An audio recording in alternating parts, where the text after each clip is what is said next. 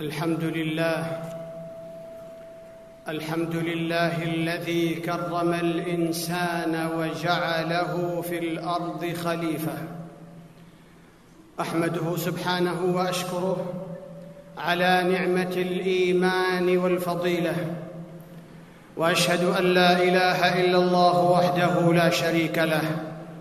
وعبوديته مقصد الخليقة.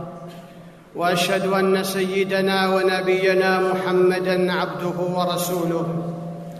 طهرنا بهديه من الغل والحسد وجعل قلوبنا سليمة. صلى الله عليه وعلى آله وصحبه الذين كانوا على خير سليقة. أما بعد فأوصيكم ونفسي بتقوى الله. قال الله تعالى يا أيها الذين آمنوا اتقوا الله حق تقاته ولا تموتن إلا وأنتم مسلمون. وقال تعالى وإذ قال ربك للملائكة إني جاعل في الأرض خليفة. من حكمة الله الذي أعطى كل شيء خلقه ثم هدى أن جعل الإنسان خليفته في الأرض.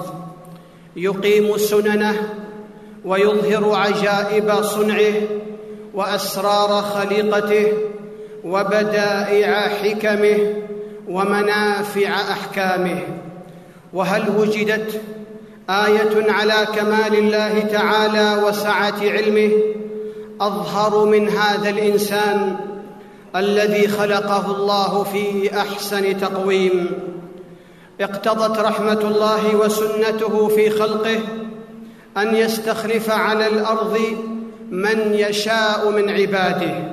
إن الأرض لله يورثها من يشاء من عباده. والاستخلاف ابتلاء وامتحان. قال تعالى عسى ربكم أن يهلك عدوكم ويستخلفكم في الأرض فينظر كيف تعملون. يرث الأرض من أحسن القيام بواجب الخلافة. قال تعالى ولقد كتبنا في الزبور من بعد الذكر أن الأرض يرثها عبادي الصالحون. الاستخلاف يقتضي عبادة الله وتحقيق نهج الله والصلاح والإصلاح وتعمير الأرض وبناء الحياة بالقول والعمل والإنتاج والتعليم والتعلم. قال تعالى وعد الله الذين آمنوا منكم وعملوا الصالحات ليستخلفنهم في الأرض. وقد ضرب رسول الله صلى الله عليه وسلم مثلا للمؤمن النخلة. كل شيء فيها ينفع والمؤمن خير كله. قال رسول الله صلى الله عليه وسلم على كل مسلم صدقة. قيل أرأيت إن لم يجد؟ قال يعتمل بيديه فينفع نفسه ويتصدق. قال قيل أرأيت إن لم يستطع؟ قال يعين ذا الحاجة الملهوف. قال قيل له أرأيت إن لم يستطع؟ قال يأمر بالمعروف أو الخير. قال أرأيت إن لم يفعل؟ قال يمسك عن الشر فإنها صدقة. المسلم الذي يقبل الإسلام دينا تصبح رسالته الالتزام بهذا الدين والدعوة إليه ونفع الخلق.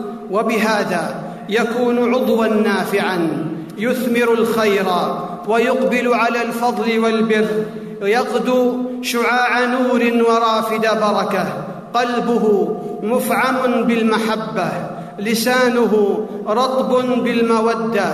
يده مبسوطة بالنعمة. يفيء على من يلقاه. المسلم يعيش من أجل رسالة سامية. وغاية نبيلة. يحيا من أجلها. يكافح في سبيلها. يحقق الصالح العام. يرتقب في ظله الأمان يسخر من أجل رسالته عمله ويخدم من مركزه دينه.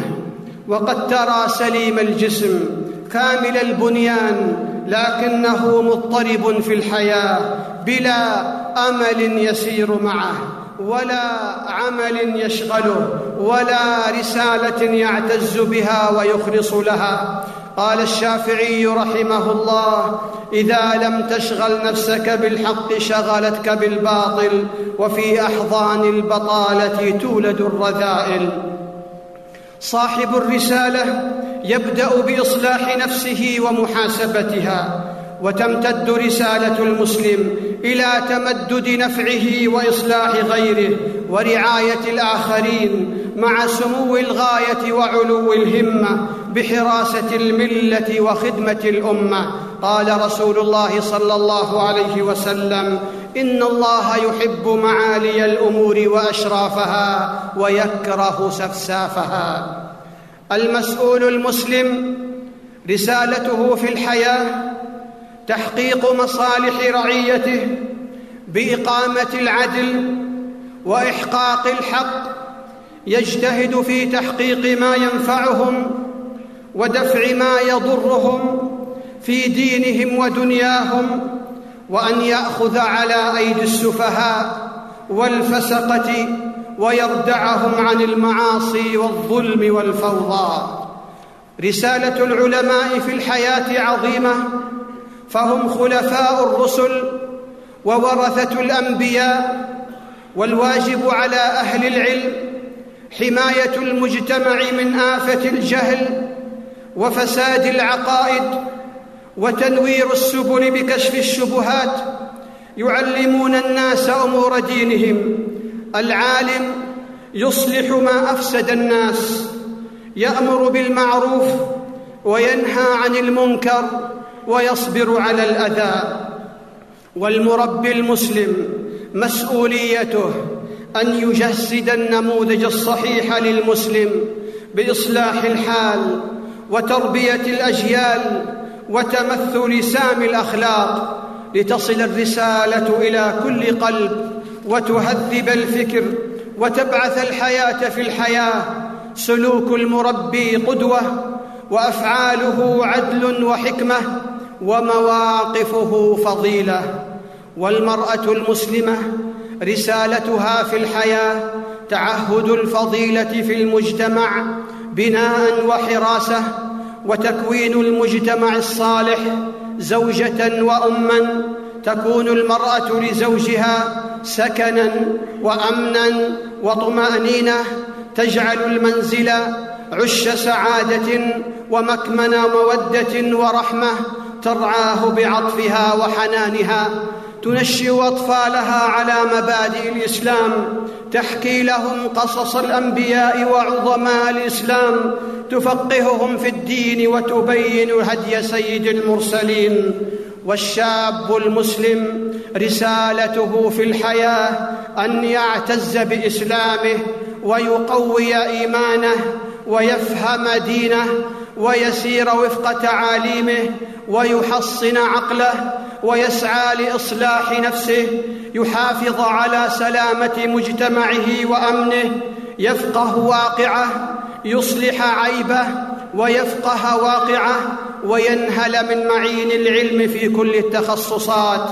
والمسلم في بلاد غير المسلمين رسالته أن يمثل قيم الدين وأخلاقه وأحكامه. ويقدم صورة الإسلام الناصعة وسماحته الهادية في العقيدة والأخلاق فالمسلمون هم خير الناس للناس وأرحم البشر بالبشر.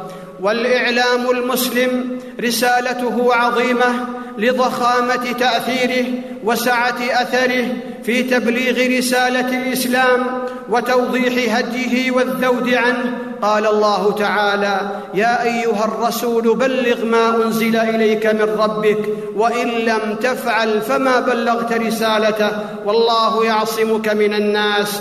إن الله لا يهدي القوم الكافرين. الإعلام يخدم الإسلام قولا وفعلا يقاوم الإلحاد والرذيلة يحصن العقل والروح والقلب من غواية الرذيلة ولوثات الانحلال وضلال الأفكار المنحرفة. أما رسالة المجتمع والأمة المسلمة إلى العالم فهي رسالة السلام والرحمة. والرسول صلى الله عليه وسلم جاء سلاما ورحمة لإنقاذ الناس من الظلمات إلى النور يسمو بهم إلى المراتب السنية في الأخلاق الوفاء بالعهود ومنع العدوان إقامة العدل والإنصاف ودفع الظلم.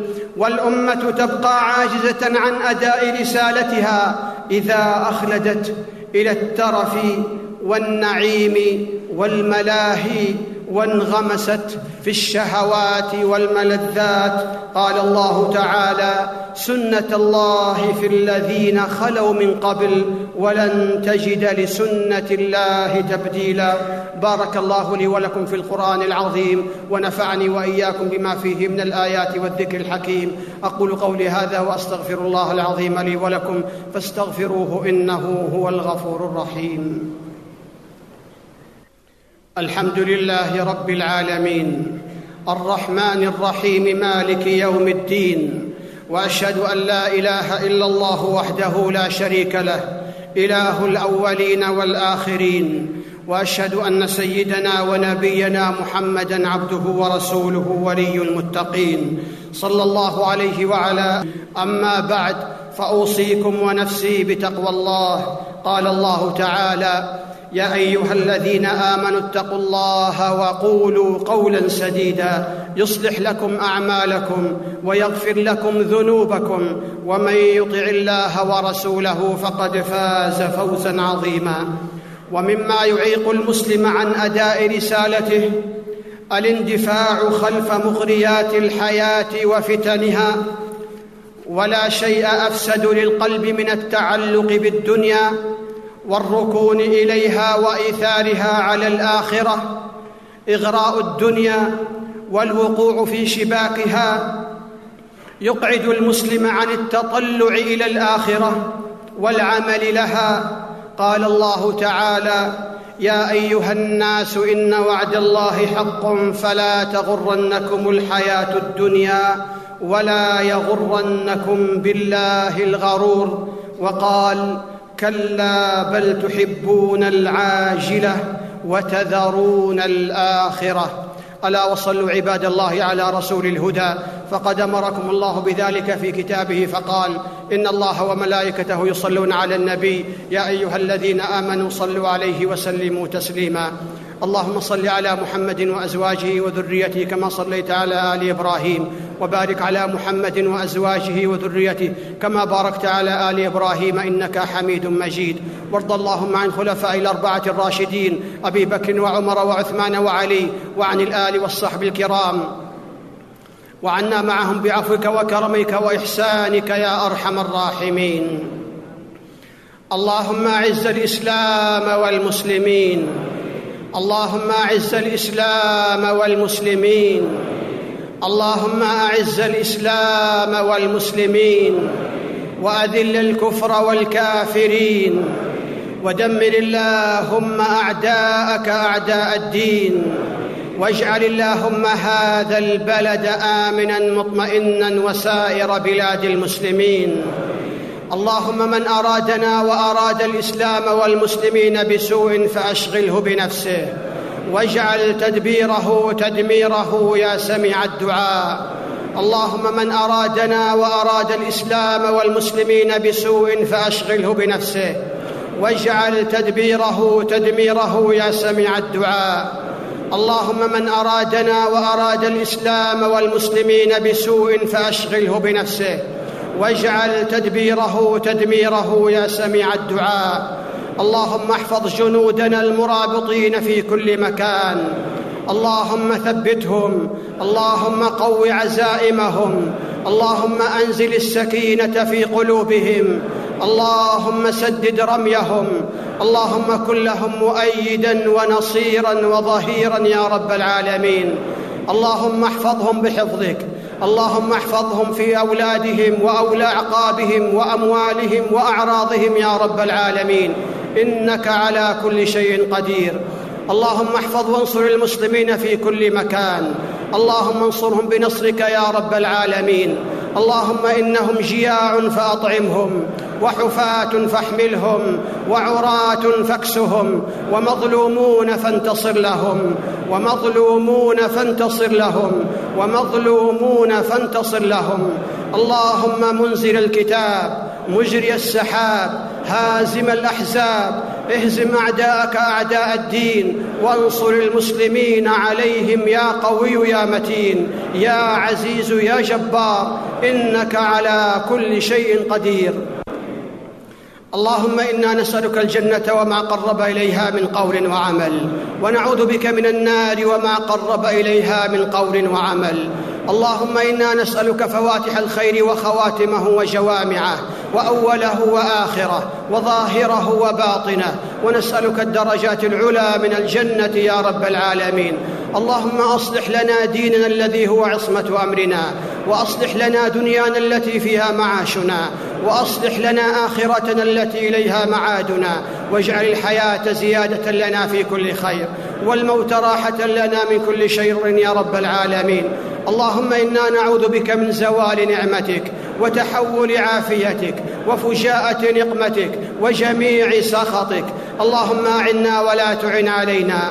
وانصرنا ولا تنصر علينا وامكر لنا ولا تمكر علينا واهدنا ويسر الهدى لنا وانصرنا على من بغى علينا. اللهم اجعلنا لك ذاكرين لك شاكرين لك مخبتين لك أواهين منيبين. اللهم تقبل توبتنا واغسل حوبتنا وثبت حجتنا وسدد ألسنتنا واسلل سخيمة قلوبنا. اللهم اغفر لنا ولوالدينا وللمسلمين. يا رب العالمين. اللهم اشف مرضانا وارحم موتانا وتول أمرنا وفك أسرانا يا رب العالمين. اللهم وفق إمامنا لما تحب وترضى. اللهم وفق إمامنا خادم الحرمين الشريفين لما تحب وترضى. اللهم وفقه لهداك واجعل عمله في رضاك يا رب العالمين. ووفق نائبيه لما تحب وترضى يا أرحم الراحمين. اللهم وفق جميع ولاة أمور المسلمين للعمل بكتابك وتحكيم شرعك يا أرحم الراحمين. ربنا ظلمنا أنفسنا وإن لم تغفر لنا وترحمنا لنكونن من الخاسرين. ربنا اغفر لنا ولإخواننا الذين سبقونا بالإيمان. ولا تجعل في قلوبنا غلا للذين آمنوا. ربنا إنك رؤوف رحيم. ربنا آتنا في الدنيا حسنة وفي الآخرة حسنة وقنا عذاب النار. إن الله يأمر بالعدل والإحسان وإيتاء ذي القربى وينهى عن الفحشاء والمنكر والبغي يعظكم لعلكم تذكرون. فاذكروا الله يذكركم واشكروه على نعمه يزدكم ولذكر الله أكبر والله يعلم ما تصنعون.